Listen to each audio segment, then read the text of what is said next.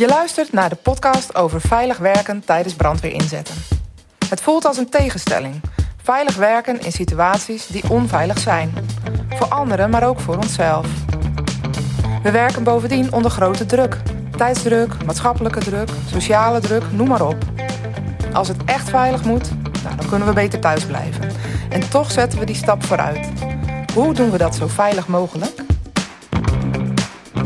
Het gaat over grote dingen, maar ook over hele praktische kleine dingen.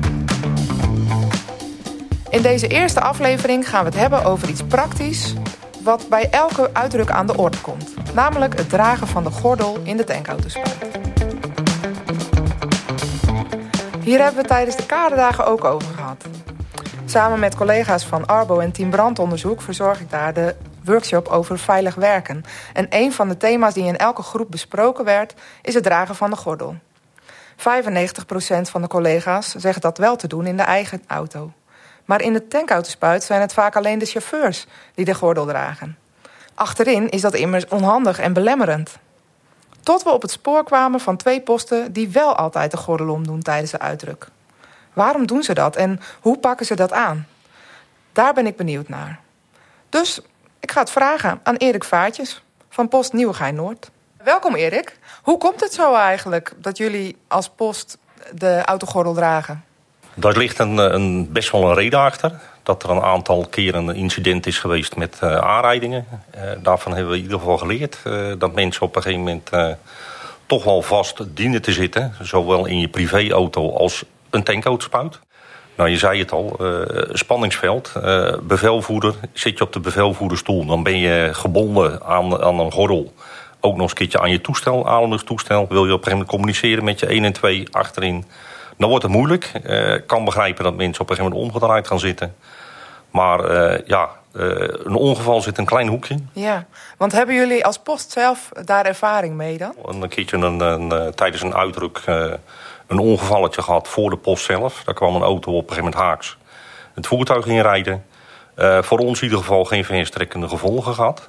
Ja. Maar je leert daarin toch wel op een gegeven moment even op je tellen op een gegeven moment passen van ja, volgende keer ben je het zelf op met dat haasje.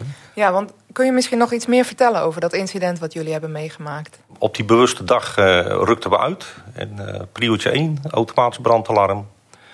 En uh, we gaan de post uit. We hebben de verkeerslichten beïnvloedingsinstallatie in ieder geval kunnen activeren. Dat zorgt ervoor dat je groene baan krijgt. Kunnen we in ieder geval vrij snel op een gegeven moment de kruising oprijden, overrijden. En zou het veilig moeten zijn. Maar ja, schets verbazing, er komt een auto van links... en die uh, kleunt er echt op een gegeven moment met een uh, vaartje van 50, 60... in uh, de tankauto Komt ja. los van de grond. schrikreactie natuurlijk, van hoe kan dat op een gegeven moment gebeuren. Maar het gebeurt wat dat betreft echt in een flits. dat zie je voorbij schuiven. Bron van zorg is natuurlijk chauffeur, waar die in is gereden. geen letsel in ieder geval de ploeg natuurlijk. Van uh, wat gaan we doen? Uh, voertuig ligt op zijn dak. Man uh, zit er nog in. Die heb ik in ieder geval richting die man op met gestuurd. Zo van, gaan jullie in ieder geval even kijken van hoe het daar staat. Ja. je chauffeur natuurlijk in ieder geval bijpraten van... joh, hoe gaat het? Hoe is het? die kan je op dat moment eigenlijk wel, wel wegcijferen. Want die, die is eigenlijk niet meer inzetbaar. Nee. Maar die heb je wel nodig in ieder geval om het incident nog af te ronden. Plus je hebt nog de zorg over je eigen incident. En dan moet je natuurlijk ook nog eens een keertje weg zien te zetten. Ja. Dus dat is uh, best wel even op een gegeven moment schakelen. Uh, en hoe ging het eigenlijk verder? Kwam, kwam de politie nog ter plaatse? Ja, uh, politie, ambulance, ja, natuurlijk ook nog eens een keertje je OVD moet je natuurlijk oproepen. Ja. Want, want zelf heb je iets op een gegeven moment ondergaan. juridisch natuurlijk, dat gaat natuurlijk ook lopen. Uh, bij aankomst van de politie uh, blijkt dus dat dat gelijk op een gegeven moment onder de noemer van uh, je chauffeur komt onder verdachte te staan.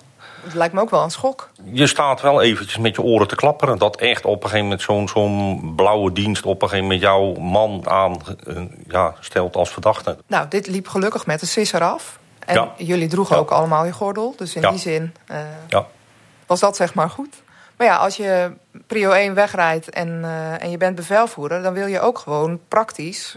Uh, moet je aan de slag en moet je ook je kunnen omdraaien... en met je manschappen ja, klopt. in gesprek.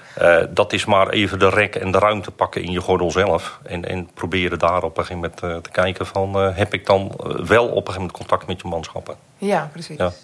Dus dat, je houdt wel dan, dan de gordel om eigenlijk? Ja, je probeert zo, ver mogelijk in ieder geval je gordel om te hebben... als dat no mogelijk is. Hè? Want ja, als je dan ook nog eens een keertje in je ademlucht zit... Ja. dan wordt het natuurlijk helemaal op een gegeven moment driedimensionaal ben je ingetaped. Ja. Ja, en dat, en dat geeft natuurlijk wel op een gegeven moment dat je minder bandbreedte hebt om te communiceren met je man achterin. Ja. ja. En uh, wat ik ook wel eens hoor van collega's die zeggen van joh, ik heb toch mijn ademlucht aan.